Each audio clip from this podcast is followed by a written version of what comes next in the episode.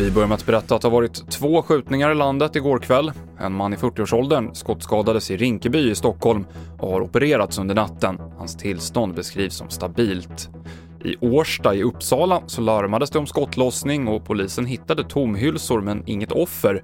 Under natten dök sedan en man upp på ett sjukhus i Stockholm. Hans skadeläge är oklart och ingen är gripen för någon av de här två skjutningarna. Lettland har de senaste veckorna haft den högsta smittspridningen av covid-19 i EU. Nu införs en månadslång lockdown som innebär utegångsförbud mellan klockan 20 och 05 och att bara nödvändiga affärer får hålla öppet. Även fullvaccinerade letter omfattas av nedstängningen. Till sist om något helt annat. Det får i år fångas mindre siklöja än vanligt i Bottenviken vilket gör att priserna på Kalixlöjrom har skjutit i höjden.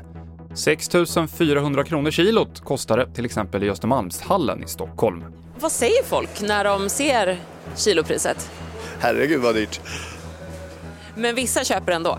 Ja, det finns de som, som tycker och anser att det är värt sitt pris även fast det har blivit väldigt mycket dyrare.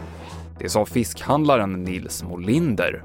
Senaste nytt finns i appen TV4 Nyheterna. Jag heter Mikael Klintevall.